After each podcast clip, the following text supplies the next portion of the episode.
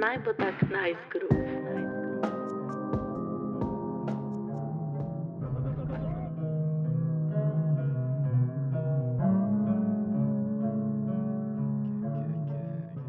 Evo, živijo spet sem tukaj jaz. Hočem vas lepo popeljati v današnjo epizodo in razmišljam, kako bi vas popeljala v to epizodo.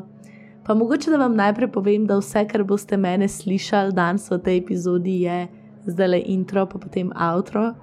Tako da se splača vsaj mi nameniti teh pet minut slave in poslušati celo epizodo do konca, da spet zaslišite moj čudovit glas. Ne vem, če je to prav način, kako prepričati, da poslušate do konca, niti vas nočem, ker hočem, da se sami odločite na podlagi pogovora. Ampak, karkoli zdaj se mi je uh, dobro, da to omenjam, tako mim grede. Potem druga stvar, ki bi rekla, zdaj ne vem, kaj ste vi počeli med um, hm, tem letom, ki je tako mičkam bolj se dogaja znotraj štirih zidov, noter, glih ne potujemo veliko nikam za it. Ne? Ampak jaz sem pogledala kar nekaj serij in ena izmed teh serij je Queen's Gambit. Danes se predstavi tretja govornica TEDx University of Ljubljana in sicer naša prva šahistka, okronana z mojstrskim nazivom Laura Vnuk. Ja, prva slovenka z nazivom Mojstrica v šahu. Applaus. Tako da ja. Um, jaz sem raje naredila asociacijo za Queen's Gambit takoj na začetku, da lahko zdaj nehamo s tem primerjati in ne mislimo, da je šah samo Queen's Gambit, ker ni. Imate pa sigurno vsi, ki ste gledali Queen's Gambit, dovolj predznanja in so se vam končno poplačale vse tiste ure online igranja šaha in pa če ste nekje najdel neko staro šahovnico in ste pa doma malo trenirali. To je zdaj vse to je vse zdaj prišlo v full pro in lej. Tune in, začnemo poslušati. Čau, čau. Se slišmo na koncu epizode. Imamo danes Lauro Vnuk ter Mirjam Mer Mercino. Ja? Mercina ali Marcina, kako ti je bolje? pa, vsem. vsem, ok, super. Um, tako da, ja, jaz, bi, jaz bi predlagal, če lahko v eno ali pa dveh stavkih poveste, kdo ste vidve. Uh mhm. -huh. Lahko začnemo z Lauro. Začela. Uh, ja, ok, jaz sem Laura Nuk, uh, sem ženska šavska velemojstrica in dvakrat na svetovna mladinska šavska prvakinja. Trenutno sem najboljša šahistka v Sloveniji in sem tudi članica um, članske reprezentance, ter pa sem študentka biokemije. Zelo um, lep, uh, lepa predstavitev. Zgleda, ker da imaš že zvajeno, kar sklepam, da imaš. Ne? Ja, je kar že. ja, super. Ok, Mirjam. A, jaz sem pa Mirjam Mercina, sem študentka um, fakultete za šport, um, plezalka, pa članica um, TEDx ekipe, oziroma mm. ekipe TEDx Univerzite v Ljubljana, um, ekipe programa. Ok, torej, lih kar ste se spoznali uh, pred kratkim, ne, pred uh, tremi tedni. Um, kako pa sta sploh prišli, recimo, na to točko, da sta, da sta se odločili, da boste bili v TEDxu in ti, Mirjam, in ti, Laura. Pa lahko Mirjam zdaj ti začneš. Ok. Um, jaz sem v bistvu lani imela absolventa in sem imela full časa in sem um, videla, da iščejo vem, na Facebooku ali neki. Um, pač nove člane in sem se prijavila, in sem v bistvu zelena bila v ekipi programa. Um, ne vem, mi je pa ful všeč, da mi te TED in TED X dogodki. Um, okay. Rada gledam govore, pač poslušam. Um, tako da mi je bilo zelo zanimivo. Hm. To je bil pa, uh, čiga, se pravi, ti si bila želani v programu, torej si bila želani mentorka tudi. Ja, ampak lani moja govornica, pač lani si je bilo čisto zakompliciran s to korono in je potem septembra, ali ko smo spet začeli delati, ni imela časa malo govoriti. Ah, ok, se pravi, ni bilo potem nič iz uh, tiste prve sezone, to je ali kako.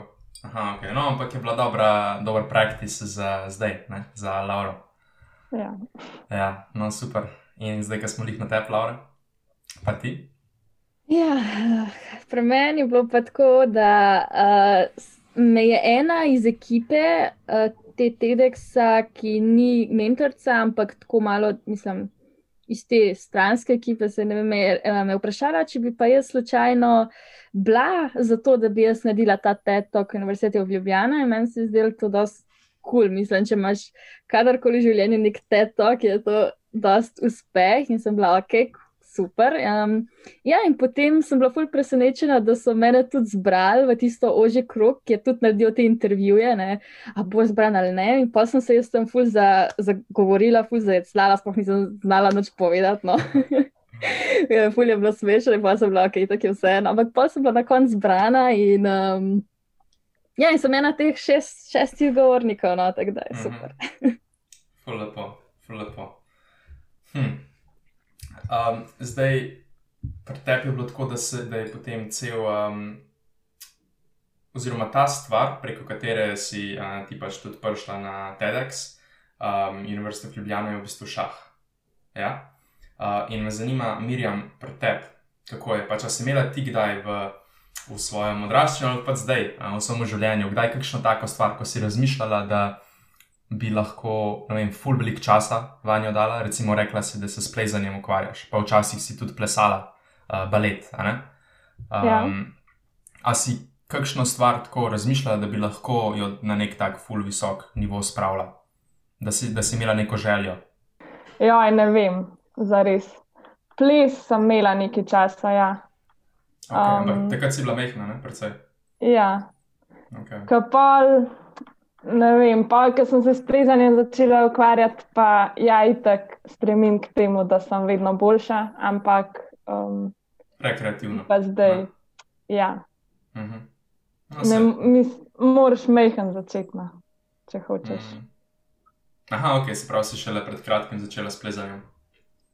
Mislim, je že par let, ampak ja. Uh -huh. Ok, Cool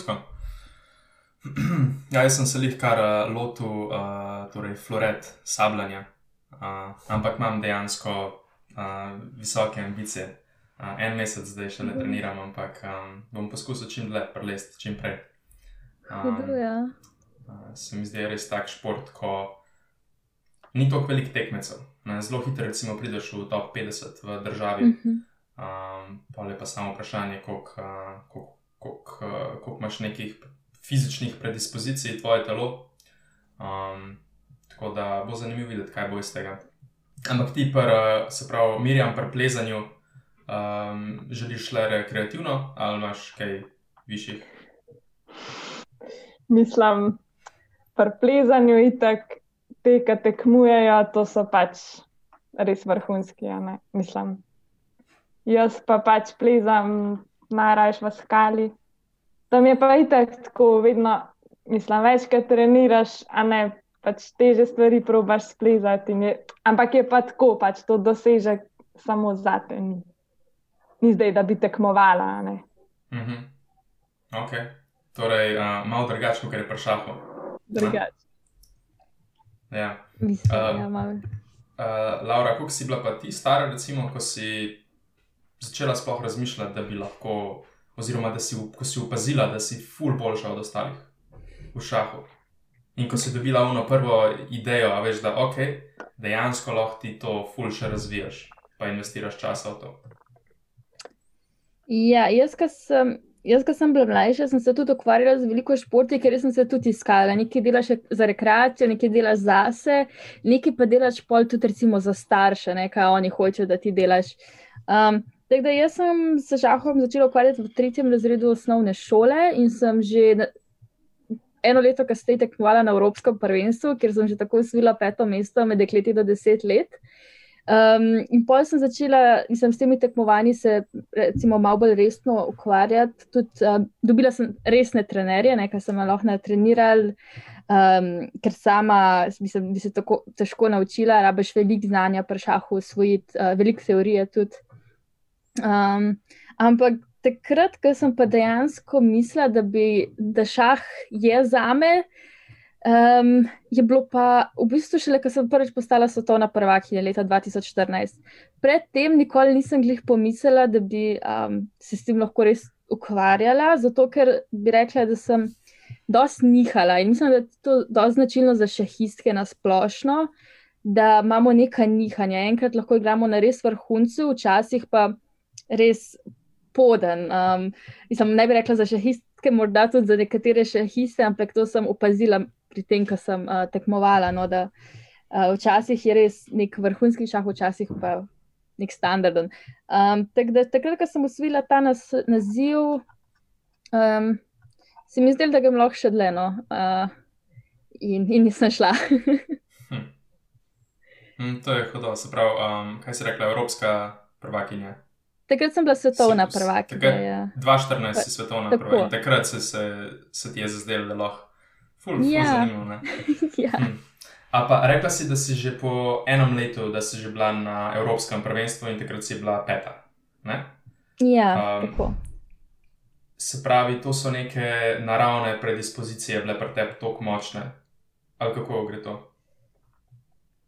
Ja, nek talent, neko razumevanje, mogoče sem bila že kot otrok, mogoče malo manj v te aktivne športne zmerke, ker smo šli recimo k babici in smo mogli hoditi na te sprehode, nisem jih marala teh zelo aktivnih športov.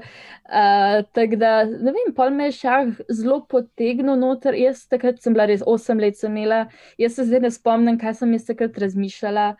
Me pa ful zanima, kaj sem razmišljala, zakaj me je to, ne vem, zakaj sem se jaz pol odločila za šah, ker sediš in razmišljaš, in ne delaš nič drugega. Mislim, mene, mene tudi to fascinira še danes. Ja. Uh, in ja, ne vem. Bi, bi se kar vprašala, no, če bi lahko šla nazaj. Uh, zato, sem en, v bistvu podcast, je to všeč. Ker pač tukaj le imamo šanso, ko smo še tako mladi, ne?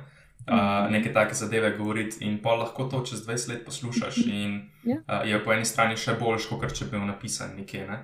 Um, vem, da recimo en folk uh, dnevnike piše že od mehkih let, ne? še posebej pri puncah je to bolj pogosto.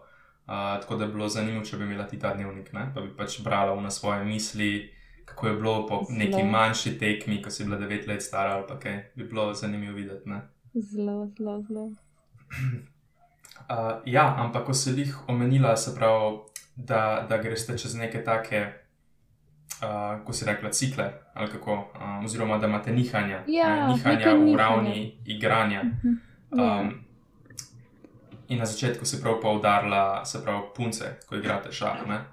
Um, Bili smo imeli eno, eno punco na podkastu, uh, kakšen mesec nazaj. Um, ja, ja, se pravi, imeli smo, ajmo, kul. Kako sem zelo slišal, da se zvon, ej, jaz imam sam nek pod, uh, podcast, ok. Jaz so ključi, no se vredo. okay, okay. um, ja, okay. ja, se pravi. Um, ja, imeli smo eno punco na podkastu, uh, ko je v bistvu samo govorila o hormonih uh, pri mhm. ženskah in kako pač to vpliva na, na vse, uh, čisto vse. Ne? Ja. In bi bilo zanimivo uh, videti, oziroma res tako kakšna tako močna znanstvena raziskava videti, če to je kaj pa na šahu, ne? kako je to.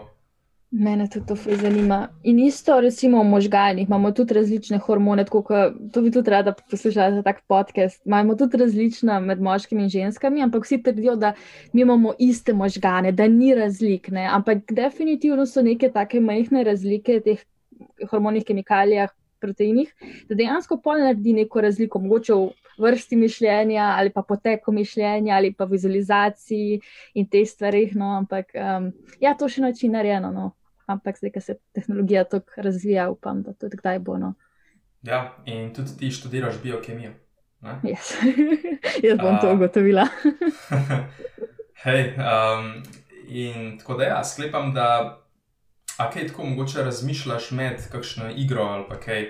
Uh, med čehovskimi igrami, o teh svojih uh, nekih mm, kemikalijah, ki jih imaš v možganjih, pač kar se tiče kortizola, um, serotonina, dopamina, ker pač recimo vem, sklepam, da so stresne situacije to. Mhm. Ne? In v uni situaciji se verjetno kortizol fulga pumpa. Mhm. In ja, imaš kaj glede tega? Mislim, ja, takrat, ko igram šah, o tem nimam časa razmišljati, sploh zato, ker res moraš. Uh, tako v bistvu bi rekla, da ko takrat, ko razmišljaš, moraš res razmišljati o teh variantah, kalkulacijah, pa pa kaj enkrat rečeš, ok, zdaj pa malo pauze, pa glih ne razmišljaš pol o teh, um, hočeš res malo se malo sprostiti. Ampak tako bi rekla, pred začetkom igre za me osebno je zelo stresno, še posebej, če je pomembna partija.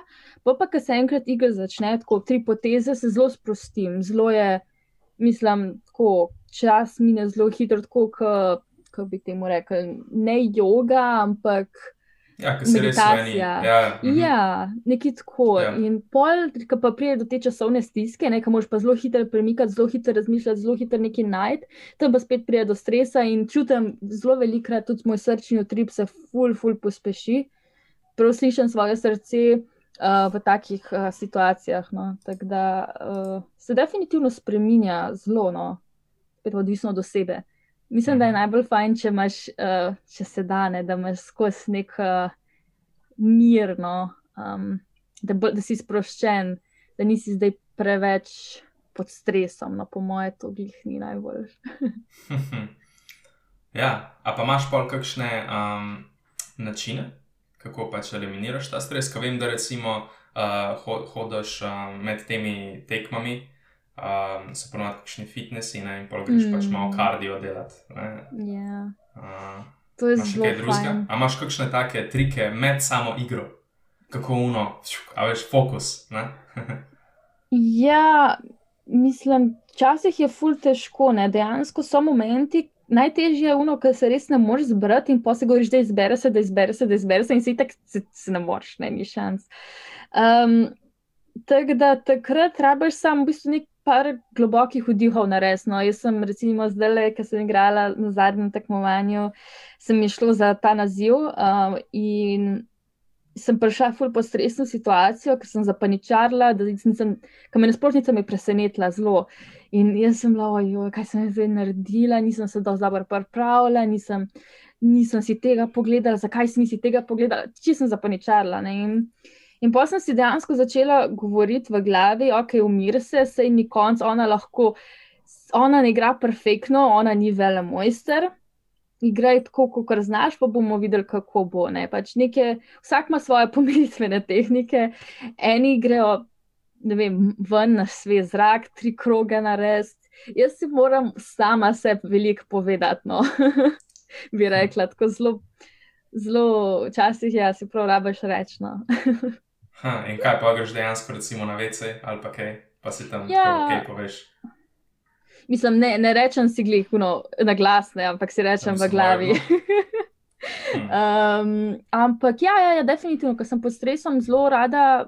A pa tudi, ko nisem pod stresom, zelo rada ostanem od čahovnice, pa zelo rada naredim ne par krogov. Tudi, mislim, kakorkoli primeru je to zelo fajn, da se tudi tako nek fresh start bi rekla, da je. Tudi, ko se usedeš nazaj, vidiš pozicijo na čist drug način, kot kar si jo prej. Ne? Nekaj novega se takoj spomniš, neke nove ideje takoj pridejo. Tako da um, je pa Ja. športna aktivnost full fine tudi, mislim, tako za, proti stresu se mi zdi, da če si tudi, če imaš neko kondicijo, tudi če si pred tekmovanjem ful nekaj šel športat, ne, jaz, jaz, sem ful opazila, da pol med tekmovanjem sem ful bolj sproščena in to ful dobro vpliva na rezultate. No, tudi. Ja, ja, jaz bi res uh, poudaril ta nek fizičen napor uh, pred stresnimi situacijami, pa naj bo to izpit ali pa karkoli. Uh, neverjetno pomaga. Jaz sem spomnim izpit, na katerem sem se najbolj tako počutil, pa najbolj sem se počutil, da sem um, res vso znanje dobil pač v, uh, ven iz sebe. Je bilo, ko sem uh, se pelil na faks, se pravi na free, faks za računalništvo. In sem padel, uh, na kolesu sem bil in sem padel v, nek, um, v, neke, v neko kamenje. In sem imel, lih takrat sem imel neke raztrgane kavbojke ali nekaj, to je bilo pač 2016, takrat je bilo to popularno. Ne? Um, in sem imel vse krvav, kolena Mhm. krvava, uh, roke krvave. In jaz sem šel samo na WC za eno minuto, se pač malo umit ne, in potem šel pisati izpit, uro pa pol. In izpit je bil malo krval ob straneh, ampak spisal sem ga po meni 92% ali nekaj in sem se tok, pa statistika je bila. Ne. Um, res, res, res, tako kulska izkušnja, no, bi rekel. wow, zanimivo, zelo. To je tudi verjetno dosti povezano s tem, ja, mogoče, da nisi preveč stres, na izpit, ampak si imel pa mogoče stresa na to, kar si naredil. Ne? Ni vsa tvoja koncentracija, joj, kaj pa bo, kaj pa bo, pa se ne ja. sekiraš, ampak je ono, jaz ja. sem zdrav, pa jaz sem v redu. ja, točno to. Um, bi rekel, da možganom daš. Uh, nek yeah. drugega za yeah. predelovati, da se v nečem drugem stresirajo, in polk se ti lahko samo usedeš, pa pač neko mentalno energijo samo začneš posvečati mm temu, uh, možgani to pa vidijo kot nekaj, kar je manj stresno, kot to, kar se ti je prej zgodilo. Kar bi isto povezal s kardijom. Kardijo je precej podobno v tem smislu. Uh, Mirjam, mogoče lahko ti tukaj kaj dodaš, ker si uh, glih iz Difa. Ojoj. ja, mislim, jaz itek se strinjam s tem, da šport zelo pomaga pri obvladovanju stresnih situacij. Ampak zdaj neke teorije, pa ne vem, če hm. lahko. Um, ja. ja, a v vrtu kdaj to naredite? Ne vem, ko je neka stresna situacija ali pa kaj jim pol pošljete otroke teč ali nekaj tasga. ne, zares. Ne. Mislim, da ni toliko stresnih situacij. Ne vem, če imajo ti otroci toliko stresnih situacij. Mislim, ja, itek je za njih je vse stres, tako, a ne, ker je vse novo zdaj sem bila pri dojenčkih. No. Mm. Ne vem. Te tako še na pol ne znajo hoditi, mislim, pa jih ne znajo hoditi. Ja, to je druga stvar. To jih ne moraš poslati. Ja. Pejte teč, luška. No. Ja. Hm. Um, Kar pa ja. meni da zanimivo, um, je mogoče, da šport me tudi, mislim, ne poleg stresa, ampak ima tudi druge fulfajne učinke, no, vsaj tako v šahu, no, tudi za mišljenje, za možgane, fulfajn. Mene, mislim, tako iz teoretičnega vidika se nikoli nisem poglabljala, pa zdaj, ki je Mirjan Kleno. um, bi mogoče iz tega, da ne vem, pospešitev tega srčnega utripa, pa potem krvi po telesu. Ne vem, da možgani dobijo več kisika, to verjetno tudi vpliva na to koncentracijo, pa nivoje uh, razmišljanja, ja, pa ta svež pogled. Ne? Ja, vpliva. Drugače so možgani pri tako neki visoko intenzivni športni aktivnosti najbolj aktivni. Pač bolj kot pri računanju. Zanimivo. Bolj kot pri šahu. Ja. ja. Mm, to ne vem. Ja. Mislim, to bi spet rekel, mislim, se zato pa veš, a je šah šport ali ni, ne, mogoče bi mogli pa to primerjati, evo ga. ja. Po mojem, to odvisno, kjer ga strokovnjaka vprašaš. No. Ja, no, ti, naša ti... faksa bi. Ja. Kaj sem že povedal, da pri športu je brka pri šahu, sam kaj še ne vem. Ja, sam, ko recimo razmišljaš o, um, ko razmišljaš o porabi kalorij, ne, uh, je potencialno pri šahu več. Uh, se pravi, tudi tako vem, da je zelo pogosto. Uh, tako fizični, fizični napori so te dolge tekmovanja, recimo, ne, in uh, se, se morajo res skrbeti, te tekmovalce, potem za svojo fizično zdravje, pač, da ne skušajo preveč, če pač so veliko pod stresom in pol malo jejo in take zadeve. Ja, ja, ja, ja. Recimo Gary Kasparev, mislim, da je med svojim me, um, tem mečem za svetovnega prvaka. Imel ful težave s tem, mislim, da je celo shujšal za 8 kil takrat v mestu, res neverjetno. Um, ampak dejansko tako je. Um, jaz na začetku, ko sem začela hoditi na te tekmovanja, ko sem bila prvič v članski reprezentanci uh, in nisem se počutila domače, ne v hotelu, ne nikjer, in sem ful mal jedla tudi zaradi tega. In potem sem se na koncu turnirja stehtala in sem zgubila pet kil, recimo. Mm. Ker je ful, ful čudno, ampak ja, to je zato, ker itak. Ne ješ tako velik stres na situacijo, pa pa še razmišljaš, ful, res toliko energije gre v, te, v ta šah na koncu. Pa sploh se nisem športno takrat ukvarjala. Ko sem rekla, ker sem bila mlajša, iz teh športnih aktivnosti nisem imela preveč rada. Takrat, takrat 2013 se sploh nisem športom ukvarjala. No. Uh, tako da ja. vse je bilo na šahu, pa pol tudi pač na mal na tem, kako se osredotočiš, da ješ, prav malo manj za večerjo, mm. uh, kot bi drugačne. ja. Ja, um, se zato imajo ponovadi recimo programeri, uh, kar je po mojem po nekih kalorijah, ko jih porabijo med razmišljanjem, predvsej podobno šahu. Um, imajo ponovadi zelo uh, dober, uh, do, dobro neko tako telesno, um, ne bi rekel zdaj, da so fit, ampak zelo, zelo malkrat so pa dejansko, uh, se pravi, uh, debeli, pač, uh, uh, premočni, kar je zelo zanimivo. Uh, sklepam, da je isto med uh, šah igralci. Nijam v glavi nobenega, ko bi bil um, malo močnejši. Pa so tudi, mislim, ampak je pa res, da ta stereotip velja, da pol tudi, da so malo bolj, um, bi rekla, širši debeli, ampak ne, to ni res. Dejansko več jih isto je res bolj suhe postave, ne fitne, mm -hmm. ne zdaj športno. Jaz sem svetovnega prvaka, ki se mislim, s športom ukvarja skozi. Um, ampak ja, no, redko bi rekla, da je. Uh, Da bi res najdel nekoga, ki je malo tako nadpoprečno debel. um, sem se na robe izrazila, ampak no, vse veste, kaj mislim. Ja, nadpoprečno debel. Malo mal sem šla po slikah, ne, pa sem ja. rekla, okay, kdo pa dejansko je, ne, ampak ja, no, hmm. ni, ni nobene krize, sploh nikjer. Ja. Um, ampak, recimo, jaz sem probala programiranje, zato ker mi imamo, mi z biokemiji smo imeli to programiranje. Moram reči, da je zelo, zelo zahtevno in res moš ful, isto moš ful energije, nekaj novega, inovativnega se spomniti, ker pač moš povezati te stvari skupaj z vsem znanjem in ja, je ful, ful, ful te možganske moči, tako da ja, je isto, isto zelo. Ja, tako je, kalorije, ne. Hmm. Uh, jaz sem opazil, da mi to, kar si prej govorila, da ti je v teh stres, stresnih situacijah, da ti pomaga pa samo tako nek un, uh, neke fizični taki napori, se pravi, neko, da, da se možgani um, oksidirajo, ne, se pravi, da gre kisik nazaj noter uh, in take zadeve. Uh, Meni pri programiranju ful pomaga to, ali da grem, da prespim noč, pa potem se zjutraj lotem, ne, takrat pač imaš čist neko drugačno sliko. Kratko, sploh pod, čist podzavestno si do teh nekih zaključkov prišel. Druga zadeva jim pa ful pomaga, uh, če poznata, kjer odvajo Wim Hof. Uh, Wim Hof uh, je en, uh, en si je iz Finske uh, tip in ima tisto strategijo dihanja. Uh, ja. pravi, hyperventilating. Uh, sem, ne vem, če je to isto. Ja, ja možno da je. Se pravi, ti moš v, vem, v 90 sekundah uh, 50 krat ali pa 60 krat vdihati, pa izdihati na hiter.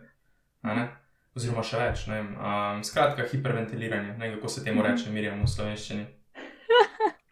Ne veš. Nimam okay. pojma. Um, ampak ja, to potem ponoviš, uh, ponoviš petkrat in vsakič uh mhm. -huh. po, po, po ne, minuti pa pol tega uh, uh, moraš za kakorkoli časa lahko zadržati sapo. Yeah. Ja. In to je crazy, zato ker. V nekem normalnem, nek povprečen čas, kako lahko zdržiš sapo, recimo mi trije, je verjetno ne minuto pa pol minuto deset, nekaj tasga. Ko pa ti 90 sekund tako hitro izdihuješ, pa um, izdihuješ, pa kratko, 3 minute lahko brez problema zdržiš, kar je full fascinantno in ti se potem počutiš tako, ker da imaš. To imaš neke pozitivne energije, ker je pač uh, tvoji možgani so popolnoma prekrvljeni z kisikom. Um, in to, in to tako vzame 10 minut, uh, ta odmor, ki ga vzameš, in čist enak me uh, efektira, kot recimo, da grem spat po programiranju. In pol prideš čist nekimi svežimi, um, svežimi očmi do nazaj do problema. Tako da bi bilo zanimivo videti to, kako bi v šahu. Vplival. Jaz sem to probala. Jaz sem po OKS smo imeli predavanje o tem, kjer je predavala o tej tehniki in jaz sem to delala. Jaz točno vem, o čem govoriš. Um, na začetku sem delala, mi smo imeli pa, mislim, da trikrat na začetku, da to res hitro dihaš in pol zadržiš dih.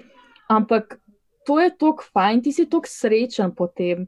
Mislim, jaz sem bila tako vesela, veš, dan začneš uno, jo, jaz sem spal šest ur, in da se mi več in pol. To je tako sreča in je neverjetno. Jaz sem to zdaj nehala delati, zato ker na začetku sem res full, ampak je krutrajoče, ni tako, ma, mal je. Uh, Včasih se krtko skoraj malo skupadla, prav tako ja. malo se ti z... ja. res. Uh, to zaradi, ja, no, ampak uh, to je pa res malo sem že pozabila na to, tako da fajn, da si me spomnil, to je res ja. tako ne moreš verjeti, da z dihanjem lahko dosežeš tok veliko, no? ampak vse zaradi tega, ker pač možgani sproščajo te fajn kemikalije in uh, mm. kisik dobijo, in mislim, verjetno dobijo ful kisika. Ne, ja, ja, pa dopamin, uh, ko si rekel, da se dobro dopamin, ja. počutiš. Ne? Uh, ja, je ja. fora, ker v bistvu ti daš svojemu telesu misliti, da uh, ker pač ti si res tri minute brez zraka. Ja. In um, potem uno, prvo sapo, veliko, ki vzameš, se telo tok fokusira na tisti kisik, um, in možgani takrat mislijo, da pač niso zihar, kaj se dogaja, in, in takrat se sproščajo te uh, sprav kemikalije. Oziroma, um, mm. ja. Mirjam, mm. sklepam, da vi nimate, mislim, imate karkoli okoli tega na faksu. Mhm, drugače smo imeli psihologijo in smo imeli neke te dihalne vaje, ampak ne tega nismo omenjali. Uh, imeli smo bolj neko to, ne vem, ko na tri vdihneš, en, dva, tri, pa pa ne vem, zdihneš. Ne. Nekaj te, vse je morje teh vaj. Ja. Različnih. Hm. Ja, Ampak, ja dihanje, dihanje je res fulma še kol tukaj, različnih zadev, kaj lahko počneš. Ne pozabite uh, dihati. Ne. Ja, don't forget to. Point zgodbe. uh, ja, mi je pa, ok, lahko mogoče iz tega navežemo, se pravi, na kako je kakšne, so, kakšne ti vidiš, da so razlike med igranjem pred občinstvom, pred živim občinstvom, pol uh, igranjem na streamu, spravo, ko imaš neko virtualno občinstvo, uh, pa tako, ko sama igraš, recimo, uh, z eno osebo. A se ti zdi, da se razlikuje tvoj, um, tvoje kompetence, oziroma koliko se počutiš sposobno, oziroma nekaj v tem smislu? Mhm. Zelo dobro vprašanje. Um, zdaj za stream vem, zato ker na streamu je tako, da itek sem sama, pa tisti, ki pridejo, tudi grejo in se res ne sekiram za tiste ljudi preveč. Uh, edina stvar je v tem, da nisem skoncentrirana, zato ker zmeraj, ko ljudje polkaj napišejo v čat in odgovarjam in berem in delam štiri stvari naenkrat, pa se ukvarjam z glasbo in z vsemi temi. Uh, stvarmi in je čist drugo, kot pač ta pravi šah, uh, ker se res koncentriraš na vse, ampak je pač udobno, ne? ni zdaj sam šah, je tako sproščeno. Ker pa sem v tem res um, profesionalnem šahu, pa mi jih nimamo publike, bi rekla, ampak je tako, da publika so naši, recimo, soigravci. Ko igramo tekmovanje, ne, pač itak smo vsi skupaj v eni dvorani in potem tisti sosednji šahist, hočeš malo impresionirati. Mislim, meni je najbolj, če igram sama, se skoncentriram. Pa tudi, če pride publika okoli mene, če jaz tega ne opazim, je super. Ampak, če bom pa opazila, pa bom pa malo začela paničati. No. tako da, ja, uh, hm. tako bi rekla. Ja. ja, jaz nekako svoje znanje o tem profesionalnem šahu vlečem izključno iz uh, Queen's Gambita, ne, uh, Netflix show. Uh, tako da vem, da je bilo tam občinstvo, je ponovno sestavljeno samo iz teh drugih igralcev. Sam sklepam, da je že to ta prešer, ki pa če veš, da, te, da je tam vem, top pet igralcev, in, oziroma ne vem, kako imate, in da te pač mhm. gledajo. Ne, in da te mogoče razmišljajo. Tako, jaz bi se dobro počutil, če bi vedel, da mhm. oni razmišljajo o tem, da si moram pa zapomniti te poteze, ker mogoče jih bo pač pol proti meni uporabil. Točno tako, tle sta dva vidika. Ja. En vidik je to, da misliš, joj, a si oni mislijo, ne vem, tako da oni razmišljajo, joj, kaj bo pa zdaj naredila, ali pa izgubljena, ali pa ne vem, kaj drug vidik je pa. Jaz sem boljša od nasprotnika, jaz sem v ful boljši poziciji, vi kar gledate, ker jaz bom zmagala. Tako da, klej sta dva vidika, tudi odvisno od pozicije, v kateri si, odvisno od svoje samozavesti. Zdaj, če si res samozavesten, pa vam je fajn, da imaš publikoval, da ne misliš, hočeš pokazati, le jaz pa imam znanje, jaz to znam. Če pa nisi siguren vase, pa pa valjda nočeš, da te tam gledajo, da vem, vele mojstri ali pa kdo ne. Um, moram pa reči, da zelo rada vidim, ko pridejo kakšni mlajši igravci, pa igravke, starši in jih pripeljajo in pa rečejo, le, to, to je pa tista vele mojstrica iz tam. No, ti si, ti si pa zelo fajn slišati. No. Hvala. Hm. Ja. Mm. A pa si potem zapisujejo, kdaj te tvoje poteze, uh, ko jih ti delaš? Mm, zdaj mi še isti si tako svoje poteze sami Ja. zapisujemo in pol te partije grejo na internet, ponovadi, še posebej Ok, okay. zdaj v tej ja, dobi. No. makes sense, ja. Uh, tako da pol veliko ljudi si te partije pogleda na internetu, ne glih tam, da bi si zapisovali ah, to pozicijo, zato ker to je zdaj full old fashion, to je res The Queen's Gambit old fashion. Mhm. Um, in zdaj, ja, zdaj pa sam greš na internet, tipkaš uh, ta tekmovanje, partije so velika tudi uživo prenašane, se pravi, takoj, ko igraš potezo, boš šla takoj na internet in vsi te tako lahko spremljajo. Ne? Takoj, ko končaš partijo, ti piše, aha. To si naredil na robe računalnik, prav, da je to full boljš, ali pa igral si kot računalnik, no, tako da um, se je danes bolj računalniško. Mm, na, se je tako, je razumljivo. A pa si, a si slučajno bila na kakšnih tekmovanjih v Rusiji? Ja, bila sem, bila Ja. sem na svetovnem prvenstvu v Hanti-Mansijsku v Sibiriji Oh, 2016, se mi zdi. Ja. Okay. Ha, vem, da vsaj v Queen's Gambitu je bilo prikazano, kako se, kako se razlikujejo um, neki te prostori za te profesionalne šah turnirje v Rusiji, pa potem v Evropi, oziroma pač tukaj okoli nas, um, pa Francija, pa potem v Ameriki. Ne? V Ameriki je bilo to vse ponovadi v nekih pač telovadnicah, um, potem v Evropi že malo boljš. V Rusiji, v Rusiji imaš pa pač ti tako res um, prav prostore, uh, ki so narejene za, za šah. Uh, tako da ne vem, kako se imela ti tukaj izkušnja. Ne, definitivno Rusi uh, imajo neko posebno mesto za šah na splošno, um, tudi glede zgodovine. Država na splošno veliko vlaga v šah in v profesionalne šahiste. Um, tako da tudi, ko bojo imeli te profesionalni šahisti neko državno prvenstvo, pa državno ligo, to bojo igrali v vrhunskih dvoranah. Mi na svetovnem prvenstvu smo igrali uh, tudi v športni dvorani, evo ga.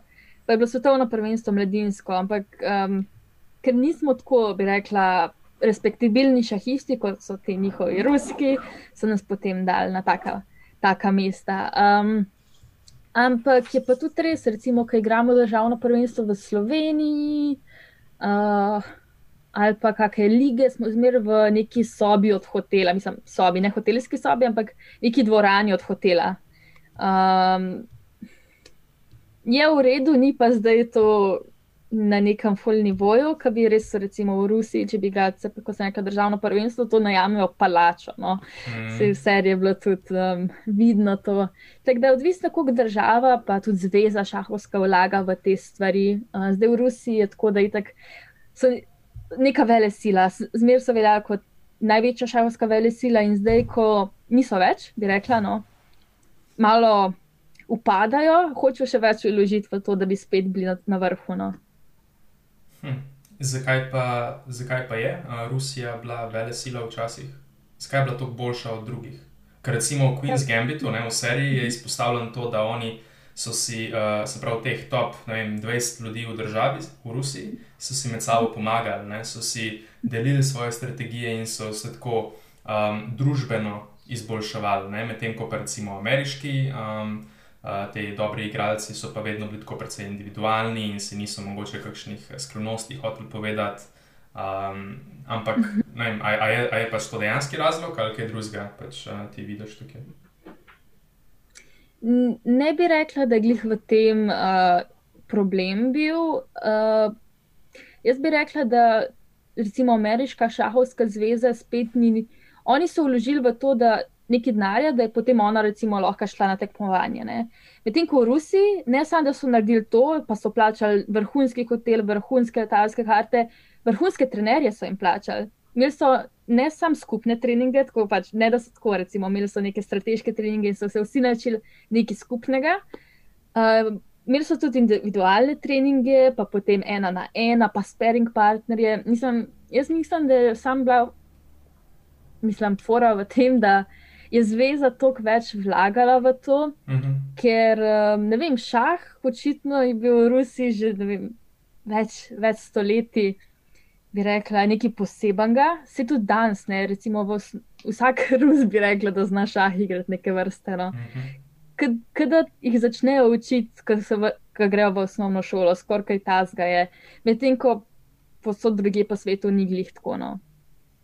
Drugače pa ne vem, verjetno kaj tazgano. Ja. Uh, bi si eh, predstavljala, da je to kakšna razlaga. Vse verjetno je več teh faktorjev, no, ampak nekdo mora vlagati vate. Ja. Hm. Ja, um, jaz, ko sem uh, pogledal Queen's Gambit, uh, sem bil tako precej impresioniran in sem uh, razmišljal, da ne se jaz pač resno začnem ukvarjati s šahom. uh, ampak, ne vem, šah je res tako nasprotje od tega, kjer jaz recimo vidim moje sposobnosti, uh, ker je to ta memor memorizacija, recimo, uh, pa neke analitične sposobnosti. Uh, pa nekaj research, tako teoretični research, tudi uh, ko pač vse te knjige. Ne, uh, sklepam, da recimo te knjige, ki jih vidim tam za, ta, za tabo, da je zihar, ker še Kasparov mes. ja, evo ga, da je dva, dva Kasparova. Dva, no, ja, ja. Um, uh, tako ne, da ja. to, to, vsa ta nekakšna kombinacija vsega tega mi nekako ne leži. No. In potem sem šel malo raziskovati, uh, se pravi zgodovino tega, pa tudi zakaj so, um, se pravi, tudi to sem nekaj poskušal najti, zakaj so Rusi bili tako dobri v tem. Recimo. Uh -huh. uh, in je v bistvu cela fora, da šah kot neka igra v neki taki -huh. čist uh, antični obliki uh, je nekako na področju Azije uh, uh -huh. se začel. Tako da ima čisto vsaka taka manjša regija znotraj Azije ima svojo obliko šaha. Uh, vse se je pa iz ene začelo in vse imajo tako drugačna uh -huh. pravila. In pa sem jih šel tako med sabo malo primerjati, uh, samo te neke bolj znane oblike, se pravi šah, potem šogi, kar je japonski šah, polje mm -hmm. go, ki je ne vem, uh, iz kere polje, pa imaš pa še kitajski šah. Uh, in jaz sem se na koncu odločil za šogi. Uh, in je fur zakompliciran, ker uh, je malo podoben šahu v samih premikih, mm -hmm. ampak um, je razlika v tem, da dlje kot gre igra, dlje kot igra traja, uh, bolj zakomplicirana postane. Kar je recimo v šahu, je kao lih obratno. Ne, imaš ti manj figur v tem smislu. Mm -hmm, Na šogiju ja. je pa vedno enak figur, samo ena oseba jih ima več. Zato, ker ko ti požreš nasprotnikovo figuro, postane tvoja. Uh, čist uh, drugačen sistem je. Ja. Uh, tako da so pa tudi uh, vse te figure na šogiju. Uh, imaš isto tako, se pravi, imaš uh, skakača, imaš konja in take, ampak niso dejansko neke um, figure, ki jih lahko vidiš, ampak je samo tako lesen, lesena tablica, na mhm. kateri je znak gor. Tako da moraš ti že te črke se prvo naučiti. Mm -hmm. um, to, je, to je tudi že tako prvi, prvi korak, tako da jaz sem še na umem koraku. No? Ampak, um, ja, uh, to, to mi je bilo ful zanimivo, no? uh, yeah. Ja. tako raziskovati. Uh, Mirjam, ali si ti kdaj spustila v šah? Si imela kdaj kaj izkušnje, da si igrala? Ne, zaradi tega, ker sem vedno zgubila in potem se nisem več hotela igrati. Mm, se to sem jaz precej pogosto. yeah. Ja. En folk pač, kar po neki, po neki sreči ne zgublja na začetku. Mogoče. Ja. že, oziroma zelo hitro začne zmagovati, več kot zgublja. Uh, in in pa mogoče se bolj odloči, da mogoče je pa to za me. Ja, jaz mislim, da je bolj tako. Verjetno je, ja, že nek, nekaj intuicijo že imaš na začetku, kar je ful čuden, ampak zdaj za neki, neki moraš biti, po moje, vsak, vsak je za neki. ja. Pa tudi, če več, več kot delaš, no, um, treniraš, pa vadaš. Ja. ja. Ne vem, no, meni se zdi, da je. Ja, ja sem to, sem jaz samo tako v športih, res tako opazno. Sprav, to je zelo, um, lik zdaj berem eno knjigo o tem, kaj recimo naredi, kaj, kaj loči te res um, top, top, top športnike od nekoga, ki je ne vem, pred 20 ali pa 19 nehal s profesionalno kariero. Um, je samo to, da so v bistvu v zgodnem otroštvu, da so več različnih športov probali. Uh, vsakmu so bili neki časi in pol, mogoče četrti ali pa peti, so opazili, da so tako, ful boljši, kot so bili v drugih športih in so ful yeah. Ja. boljši od folka okoli sebe. Uh, Sprav, yeah. Ja. ker si rekla, imaš že odprej neko tako intuicijo, da ti kar gre nekako. Yeah. Ne? In um, meni, recimo, jaz se nisem nikoli z nekimi, mislim, sem probil par športov, ampak uh, mm -hmm. ne dovolj časa, bi rekel. Um, in nisem prišel do nekega tazga športa. Ne? Tako da sem jaz to sam tako pri športih uh, res opazil. Jaz sem pa imela tako izkušnjo. Ja. Ja. Ja. ja, jaz sem pa, mislim, se rekla, jaz sem se ukvarjala uh -huh. z badmintonom, odbojko, plesom, imela sem plavalni tečaj na začetku, kickbox, jaz sem imela ogromno stvari, fotografiranje še kot hobi, lahko tudi profesionalen neke vrste, ampak posod sem bila povprečna. Res, posod je bilo, mislim, nič nisem izstopala, tako pač nekaj navadnega, včasih podporečen. In se nisem počutila v redu. In pa, ker sem najdla šah, ne, in ker sem prišla na državni nivo, končno nekje, ker sem nadpovprečna in valjda se pa litek še bolj motiviraš, bolj se počutiš, ker dejansko nekje ti začne uspevati. No. Jaz, ja. sem, jaz sem imela tak, um, tako izkušnjo in ja, -hmm. mogoče tudi zato, da sem danes bi rekla na takem nivoju. Ja. Ker sem se najdla, ker sem iskala -hmm. in sem se najdla. In, in se pravi, vse te športe oziroma aktivnosti, ki si jih naštela, to si preden si bila v tretjem razredu. Že ne, počela. tudi pol. Aha, tudi ne, pol. Ne, tudi pol. ja. Okay. Vmes mislim, tako recimo, ma, imeli smo krožek odbojka v šoli, tam to je bilo tam neki pol peti, šesti razred, sedmi, yeah, ja, fotografiranje yeah. sedmi, osmi razred, uh, mm -hmm. kickbox tudi tretji, četrti, tako da več, ko malo vmes. ja. hm, tako, ko malo razmišljam, mogoče. Kako pa se recimo lotila teh aktivnosti, pa če si razmišljala tako, uh, kam si še vedno nekako podzavestno razmišljala, da si mm -hmm. že dobra, full dobra v nečemu, ne, in da ti ni treba tvojim možganom ni bilo treba ful se matrati. Um, ker načeloma vsak želi najti neko stvar, v kateri je dober, mm. ampak ti si jo pač že najdla. Um, tukaj je zdaj, ne vem. Jaz tudi ne vem, jaz ne vem, če sem bila na začetku ful zadovoljna šahom, ker takrat, takrat sem v bistvu vse, kar sem igrala, so bila ta otroška tekmovanja, mladinska, mm -hmm. pa pojmo neke lige vsak četrtek. Mm -hmm. Vsak četrtek smo s klubom šli in sem igrala proti nekem, nekem 40-letniku, in sem pač se tam, ne vem, sedela pet ur. Yeah. Ja. Um, ne vem, če sem bila jaz uno zdaj že full v tem, ampak recimo odbojko, ko sem šla, meni je bila odbojka full všeč, če sem imela full rada odbojko, ne vem, ampak nisem bila uspešna v tem. Zdaj pa. Se mogoče tudi nisem se toliko posvečala res temu, kot sem se šahu, recimo, kot sem že imela trenerje, ne, neke medtem ko pač tam sem pa bolj rekreativno delala. No. Ampak, um, mislim, ne vem. Jaz vsem mislim, da takrat še nisem bila čista, ker sem bila dosti mlada, se pravi mm -hmm. med 8 in 11 letom. Um, nisem zdaj bila spet neki, nisem izstopala tudi na državnih prvenstvih, nisem zmagovala teh državnih prvenstv. Mm -hmm. Sem bila tam neki druga, tretja. Um, in potem šele je bil nek prestop, kasneje, no bi rekla. Hm. Sam se mi zdi že to velik, ne vem. No. Mislim, ja, seveda, vse je bilo, vse je bilo full fine, tako, uh, definitivno. Vse veš, ker nekje nekje uspevaš, sej, sem velik časa temu posvetila, se strinjam. Ja. Ampak se pravim, da ne vem. mogoče, mogoče je bilo tudi to, mogoče ne vem. Hm. Ja, to, to mi je res zanimivo. No? tako o tem razmišljati. In pol, um, recimo, meni, ki sem pa bolj v teh nekih, kaj reko, entrepreneurial vodah, uh, je pa veliko težje videti uh, te neke naravne talente. Mm. Um, um, to, mi je, ja. to mi je res uh, zelo zanimivo. In pol, tudi kdaj veš, da si res dober v nečemu, ne? v športih, takoj vidiš neke rezultate. Yeah. Uh, mislim, zelo hiter, uh, vidiš, da si yeah. ful boljši od drugih. Uh, v teh, uh, teh mojih vodah je bolj tako, da ti sam vidiš, kako ti napreduješ. Ne moreš se pač primerjati z drugimi, ker ni veliko ljudi, ki pač počnejo točno te iste zadeve. Ne? Nisi v nekem mhm. kalupu, kot je pač v športu, ti direkt se primerjaš z drugimi. Ne? Tako da.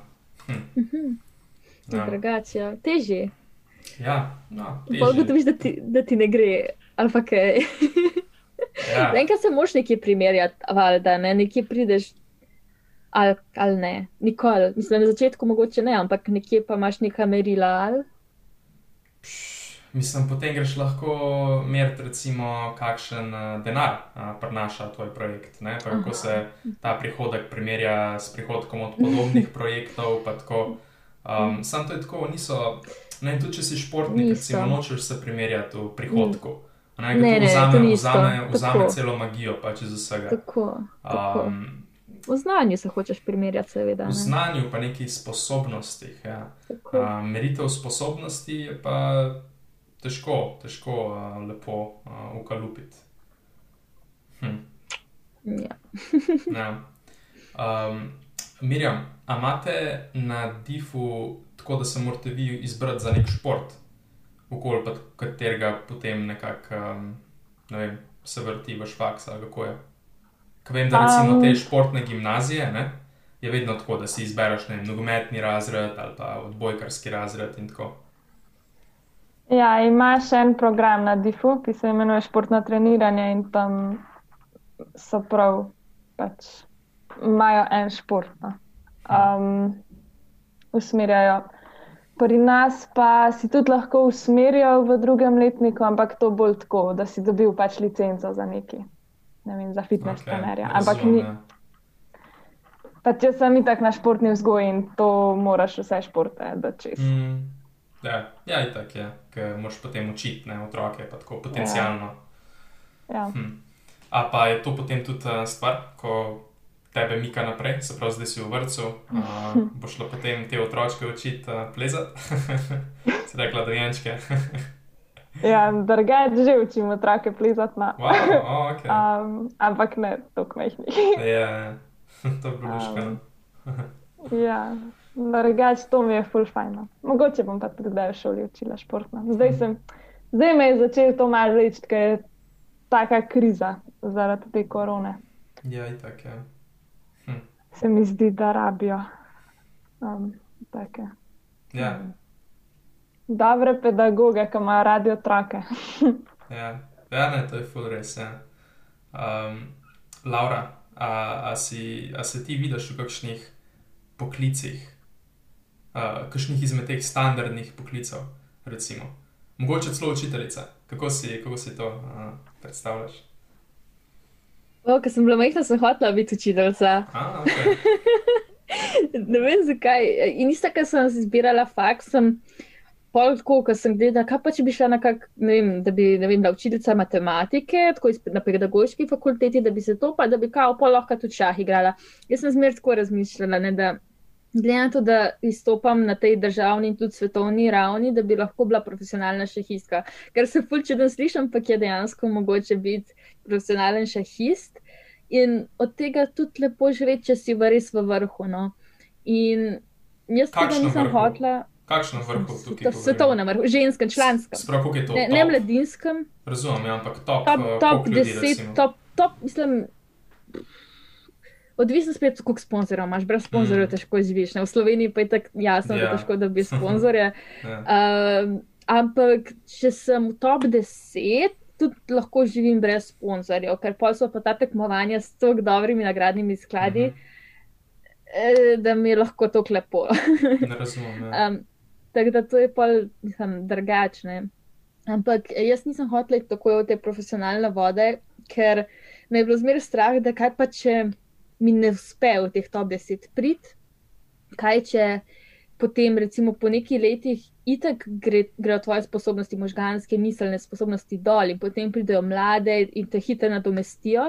In kaj bom pol? Bom imela izo, srednjošolsko izobrazbo in kaj bom delala, ne vem, za 500 evrov na mesec, Mhm. če sem, ne vem, bila enkrat najboljša šistka, ne vem, pol Ja. yeah. na svetu. Tako da, Um, jaz sem rekla, da bom pač najprej vsaj diplomo naredila, da če nič drugega imam nek backup plan, ker jaz sem dosta taka previdna oseba, da imam skozi neke backup plane. Tudi v šahu. Um, tudi v šahu. ja? Moraš imeti. Velikrat sem se že tako uno, ok, to bom igrala, to zgleda ful dobr, ampak ok, če pa ne bom pa zihar, imam pa zihar še to potezo, ne. Ja. ne vem, vča- včasih ne, včasih ne moreš, včasih moraš biti zelo drzen, se strinjam, ampak to je neka dolgoročna stvar, ki jo moraš gledati, se mi zdi. No.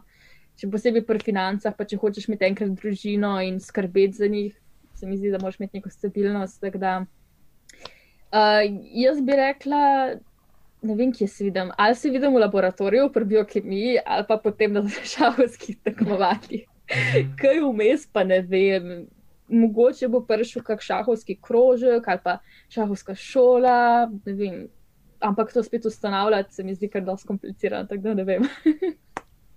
Ja, meni bi bilo tukaj tudi zanimivo, se pravi, glede na to, da si ti v biokemiji, ne? torej vsi ti neki možganski procesi in to. Mhm. Uh, in s, z vsemi temi svojimi uspehi, uh, da se mi, če ti recimo narediš nek magisterij iz biokemije, specifično neuroznanosti, potem naprej, um, bi se ti komod, po mojem, pridružila nekmu uh, laboratorij Stan, na Stanfordu ali pa na Harvardu ali pa en izmed teh više klase uh, laboratorijev, uh, kjer se recimo analizirajo možgani. Uh, Res, res, res uspešnih ljudi v teh full uh, mentalnih sposobnostih, ne, torej šah, go, šogi in podobni uh, športi. Um, to, to bi, to bi me ful zanimalo. Ja, itak, ja. ja. ja. To... Mislim pa ne samo to, tudi zdravljenje različnih stvari. Ne vem, možgani se mi zdijo nasplošno ful fascinantni. In, um, ne vem, tudi rada bi zdravila, kakšne bolezni, sem bolezni, pa si Alzheimer, pa vse, kar imaš to. Ja. Uh, In ja, ne samo tako raziskave, tako vse raziskave na možgani bi naredili, če se da. ampak ja, to upam, da kdaj pride. ja, ampak, eh, kot vem, je v teh. Uh teh res kvalitetnih laboratorijih problem samo tako prvič prideti tja, ne, pa biti sprejet, uh -huh. biti povabljen. Uh -huh. In uh, se mi je zato bi imela ti zelo dober neko to vstopno, vstopen pič, ne? se pravi, pač gledajte moje dosežke v šahu. Um, in pa se bi lahko, pač ja, bi se ti pridružil nekemu laboratoriju, ko ima, ki prav zihar ima, so na Stanfordu ali pa na Harvardu, prav ti laboratoriji, ki se ukvarjajo z analizo uh, možganov dobrih šahistov. Garant garant. Ja. Um, da, in potem, po parih letih tega, bi šla lahko v polu kjerkoli neuroznanstvene vode, mm. ko imaš tako tam ja, že zbildan, zbildan network in vse. Tako da si lahko po stopničkah a, narediš, če te, če te mika premik v Ameriko. Um, mm -hmm. Ampak, uh, ja, um, mi je, ful, ful so mi zanimive, no? take, take, mm -hmm. take teme. Res je malo znanga. Ja. Zaenkrat tudi o možganjih, pa o mišljenju, pa kako je to povezano. In, in jaz sem recimo že v gimnaziji hodila za psihologijo, za maturo, sem si izbrala, me tudi zelo zanimalo narediti povezavo šah in mišljenje. Ampak jaz, nis, jaz nisem mogla narediti, zato ker način raziskano, seveda. Um, Ja. Hodila sem na nek smisel, na kjer način še hitro razmišljamo. Ve, tako, s čim je to povezano, ker imamo več načinov mišljenja, seveda. Ne? A smo bolj, ne vem, ta način mišljenja ali un način, pa v primerjavi z, vem, z drugimi športi. Recimo. Ampak, ja, no, um, ni še njih veliko narejen, se mi zdi o tem, ampak definitivno bo, no, po, po mojem, enkrat v prihodnosti. Ja, ali pa se ti ta oseba, ko bo. jaz, bo jaz bom vse naredila, šah bom povezala z vsem. Rešila probleme, ja, le, le. Hm. Um, ne, se bomo videli. Ja, mi je pa tako zanimivo, zanimivo mora biti recimo v tvoji glavi, ko, se, ko razmišljaš o nekih potencijalnih jobih, pa tako. Ker je zelo možno, da ne boš dosegala takih dosežkov, kar jih dosegaš v šahu. Yes. In to, to si jaz recimo sploh um, ne predstavljam, kako bi mi bilo. Ne? Jaz recimo edina stvar, um, ko sem bil recimo malo tako, da sem se počutil boljši od drugih, mhm. um, pa od mojih prijateljev in vse, uh, je bil uh, sprav League of Legends, ne? igrica. Uh, sem bil obseden z njo od 2014, 2013. Mhm. In um, sem res, pač igral sem 10 ur na dan, ne, zato sem bil dober, 80 ur na dan. Uh, in um, mi je bilo res zanimivo, no, ampak pol sem pa začel opažati neke druge zadeve, v katerih sem pač tudi dober. Um, in sem začel izgubljati zanimanje za tisto. Ne? In tudi vedel sem, da je neko kariero iz tega profesionalnega e-športa, full ni tako uh, lahko. Takrat je bilo pač, težko, ja, je danes lažje. Zdaj, je, zdaj je malo lažje, ampak še vedno pač, vem, top 10 slovencev je recimo, samo uspešnih finančno ne, v tem. Uh -huh, uh, naše starosti, recimo. drugi pa niso, ne? zdaj ja, boš ti teh top 10 ali ne boš. Ne vem, ne? Ja, tako kot ljudi igra igrice, ne ja, je težko. ja, ja, več in več. Ja. Yeah. Ja. Um, ampak ja, jaz nekako tako vedno grem potem, tudi čeprav sem imel takrat neke take mehke uspehe, ne tudi na enih tekmovanjih, še vedno se mi zdi, da se tako bolj in bolj pomikam naprej in vidim neke nove zadeve, v katerih sem lahko še boljši, kot sem bil prej v nekih drugih zadevah. Medtem ko pa pri šahu je pa, kar si rekla, ne, pač že tako recimo v svojih 20-ih, um, sklepam, da tako pri 25-ih, 26-ih, ali ko izgubiš neke te mentalne um, sposobnosti. Ne. Ker z njim po, po 40 tam je bilo raziskano. Wow, ja, okay. da, Ampak, itek, ki si mlajši, zato te najuspešnejši šahisti na splošno v šahu velemojstri, so bili velemojstri že pred 13. Pred 13 letih so že dobili toliko znanja, da so prišli na najvišji nivo. Zato, ker si mlad, res izstreliš to znanje, si to hitro zapomniš, ja. te pozicije, vizualizacija, uh -huh. to se to, ja, ful, ful gre. Pa pa pred 20 gre pa krivulja zelo počasi. Se pravi, še zmeraj napreduješ, ampak ful počasneje. Takrat je bila tako in pa, pa se tako naredi. No. Tako da ja, je zelo razlika um, v tem uh, znanju. Um, bom pa rekla, ja, da pri meni je problem v tem, ker me šah res ful zanima. In uh. -huh. potem. Ko pridem do biokemije in vidim, kako so moji sošolci pametni, pa kako se za to zanimajo in so fulj zagrizeni, mislim, tako, pa se kar že malo neham gledati tam, da bi jaz bila nekaj uspešna na tem področju. Zgubiš to neko motivacijo, nekaj vidiš, joj, oni se pa ful učijo, pa ful, ful časa vlagajo to, medtem ko jaz ful časa vložim v šah. Um, in me neke vrste skrbi, da glih zaradi tega potem nikoli ne bi bila, mislim, uspešna na tem področju, ampak vem pa tudi, da um, meni je zdaj važno, da imam šah, pa važno je, da sem na faksu sproščena, pa nočem zdaj biti, se primerjati s sošolci, ker vem, da so ful dobri in jaz, jaz delam zase, bi rekla. Jaz učim zase, za svoje znanje in vem, da bom enkrat tudi imela službo ali pa ne vem, kako delo, da se bom največ učila iz tega, kar bom tam. Uh -huh. uh, pa tudi, kar bom rabila, kaj bom pač prebrala, kaj knjigo, pa itak je vse v angleščini, pa vse na internetu ja. zdaj. Tako da spet se ni težko toliko nadoknaditi tega, kar si recimo zdaj ne bom zapomnila mm. uh, ali pa naučila. Tako da jaz v bistvu, ja, sem se, mogla sem se malo sprijazniti, jaz imam šah, mm -hmm. pa pač faks nared zase in se pač ne primerjam z drugimi in mislim, brez veze biti pod stresom zaradi tega. No. Se tudi mm. nočem sekirati. Ne vem, kaj bom, jaz nimam pojma, ja. kaj bom čez pet let, deset let. Ampak vem, da neki bom. No. mm -hmm. A pa bi rekla, da je med. Um, sklepam, da imaš par prijateljev, ki so recimo na tvojem nivoju v šahu. Ja. Mhm, ja. Ja. Um, a je nekakšna taka podobna mentaliteta? Smijamo začeti dosta tako pozitivno mentaliteto. Pač Smija, da še vedno misliš, da bo pač na koncu vse tako, ok, nisi pa stres, pod stresom, fur, glede svoje prihodnosti. Ne? Kako je pa mhm. recimo pri ostalih? A je to tako pogosta mentaliteta? Ali... Uf, to je odvisno, mislim, vsaka mentaliteta je drugačna. Uh, en, ena je, recimo, mislim, eni so ful pod stresom zaradi tega. Um, mogoče ne gre zaradi čaha, ampak recimo, ker ne vem, bi rekla. Uh, tako bolj zaradi življenja, ker ne vejo, če jim bo uspel klep, mm. ne vejo, če vlagajo dovolj dela v to, pa ne, ne ve, pač tako.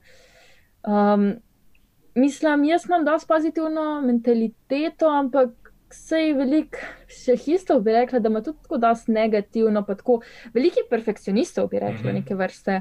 V smislu, da pač nikoli niso zadovoljni s tem, kar dosežejo, pa zmer vejo, da lahko še več. Pa, pač, jaz glih nisem uh, perfekcionistka, kar je dosti fajn, se pa glih ne sekiram zaradi takih stvari, ampak pa, nimam pa glih te mentalitete. Lahko bi še delala na tem, te mentalitete zmagovalca. Recimo, jaz, če imam preveč respekta do nasprotnika, um, ga nočem premagati neke vrste, ah, okay. ker je ful čuden. Uh, in recimo zadnji sem poslušala predavanje najboljšega slovenskega šahista, Luka Leniča, in on je rekel. Uh, tako kot v vojni, v šahu je vse dovoljeno. V bistvu. mm. Ja. Se pravi, pač ti, važno je, da zmagaš. Yeah. Ja. In, je, in on ima to mentaliteto, ampak jaz se nikoli tega nisem usvojila. Ne vem zakaj. Um, In zato tudi, ko igram šah, recimo pod prijatelji, mhm. Sem na začetku preprati, sem full živčna, nočem zmagati, ampak pokaj začnem igrati v redu. Politik igram pod figurami, ne proti njej, mm. kar, je, kar je hvala Bogu, da se to zgodi, drugače ne bi imela takih rezultatov. Ampak uh, vsak, vsak šahist ima drugačno mentaliteto, neko vrste del osebnosti, bi rekla. Mm -hmm. Um, ampak vsaka mentaliteta pa lahko tudi svoje nivoje prekaša. Tudi če si veliko pod stresom, se mogoče pa dobro deluješ pod stresom, mogoče pa je fajn, da si Ja. skozi uciraš. Mislim, definitivno ni fajn zaradi telesa, Mhm. ampak tako mislim, glede zmagovalja. Mogoče te pa ta stres vodi v to, da zmagaš pol, ne? da dejansko Mhm. pol, jaz zdaj bom pa uspel. To je, po mojem, psihologija zelo zanimiva pri šahu glede tega. No. Ja, ja, psihologija nasploh je fulkulska stvar. Ker si rekla, da si imela ti na maturi, ne? Uh, kjer Ja. letnik, kjer letnik si ti, Laura? Jaz sem, jaz sem zdaj drugi letnik biokemije. Mislim, uh, pač, se pravi, koliko si 99 letnik ali A kako? Ja, ja, ja, 99. Okay. Ja. No, jaz sem 97. Uh, jaz sem isto pač za maturo vzel uh, psihologijo, ne? psihologijo pa informatiko. Evo ga. Um, ja, uh, tako da moja, moja prva odločitev je bila tudi ta, se pravi, faks psihologije. Ne? Potem pa pač nisem tja prišel, ampak sem šel na računalništvo. Um, Ampak se lahko ful delaš na psihologiji, tudi na računalništvu, se mi zdi. ja, pa tudi tako v prostem času, ne? že samo čez take Mhm. pogovore, pa tako bereš knjige o tem. Veliko lažje, kot Ja. recimo, če si v psihologiji, pa bereš knjige o računalništvu. Uh, Ja. Se mi je zelo podobno šahu, pač ti moš dejansko igrati. ne? Ja, Če, boš, če boš samo bral knjige, ne boš niti eh, pač teh te uno osnove si moš prvo zbiti v Ja. glavo. Ne? In v programiranju je čisto isto. Ti moš par mesecev programirati Mhm. vsak dan, po pol, polovico dneva, da res uno prvič začneš kapirati bistvo programiranja. Um, tako da je verjetno dosti podobno kot na začetku v šahu. Ja, ja, ja, Mm. definitivno. Ja. Uh, imam drugače, uh, kaj? Jaz sem hotel, sem, vaja. da je full vaja. Ja. Ja, vaja, vaja je ključ tukaj do česar koli. Hm. Uh, imam drugače ful uh, tako uh, stvari, ki bi, ki bi me, me zanimalo, pač tvoje mnenje o tem, pa da bi šli tako kaj uh, bolj globok, ampak um, bomo, bomo na tej točki no, zaključili, uh, zaključili ta pogovor. Ampak sem pa definitivno za, da uh, potem tudi izven TEDxa posnamemo uh, epizodo v živo, uh, pa Ja. ja. gremo pač bolj globoko, kakšne zadeve. Ne? To je bilo ful, Mhm. ful, ful uh, hudo. Uh, Smija, glih to je ful zanimiv, ko je neka oseba v nečemu tako razmišljala, kot se ti v šahu. Mhm. Uh, zelo redko sem jama folk neko tako stvar v svojem življenju. Ne? Tudi če je ne, vem, dober fotograf ali pa kaj. Ni, ni ta oseba prebrala 15 knjig o fotografiranju, ponovadi. Že eno knjigo, če je, je tako wow. Ja. Ne? Medtem ko pa ti v šahu, ne vem, koliko bi rekla, da si knjig prebrala. Uh, jaz bom kle odkrita, jaz sem zelo moderna. Od, od, začetek, od začetka, ko sem šah začela igrati, sem zelo moderna, vse na računalniku začela. Okay. Jaz sem imela video tečaje prek Mhm. računalnika. No? Se Mhm. pravi, namesto da smo kupili knjige, res da jih imam veliko, sem jaz raj poslušala velo mojstra, kako so oni razlagali. In to je, to je čist drugače, mislim, kot če ti bereš knjigo, vse je, mislim, tam imaš, mišavske knjige so tako narejene. Imaš partijo in potem imaš ti full potes in full podvariant in potem moš ti to pisati, mislim, tako ne zapisati, ampak si moš na šahovnici premikati, ampak noben ti zdaj ne razloži, zakaj je to potezo odigral. Zelo redko, no, boš uh, dobil ne vem, neko knjigo, ki bo res tako dobro, detajle napisana. Uh, nekaj knjig sem prebrala, recimo taktike so full fine, um, končnice so full fine knjige, um, otvoritve mogoče tudi, ampak je pa bolj, če ti neki velomojster razloži, zakaj je to človeška poteza, zakaj je prišlo to na pamet nekomu ne? Um, in zakaj naslednjič, ko vidiš to pozicijo, mora tudi tebi to pridati na pamet. Ja. Tako, um, bi rekla, v knjigi je zdaj dosti, glih, tako bi rekla, old fashion, ne dobiš po moje tega znanja in isto je zdaj v modernem šahu, ker je vse računalnik. Računalnik ti takoj najde najboljšo potezo, ampak ti ne pove, zakaj je ta najboljša poteza. Ne? Medtem ko človek, vele mojster, ti lahko takoj razloži. Mhm. To je pa zato, ker pol čez tri poteze um, mu boš tam dala vilce ali kaj. Ne? Mhm. No, da, okay. Um, Tako, dosti človeško je, mislim. Ja, jaz, ja, to, jaz sem se bolj učila iz teh videotečajev, starši so mi raj kupali računalniško videotečaj, moj oče je Mhm. računalničar. Mm, tudi, okay. In to je pa tudi tako prišlo pri meni, glede knjig.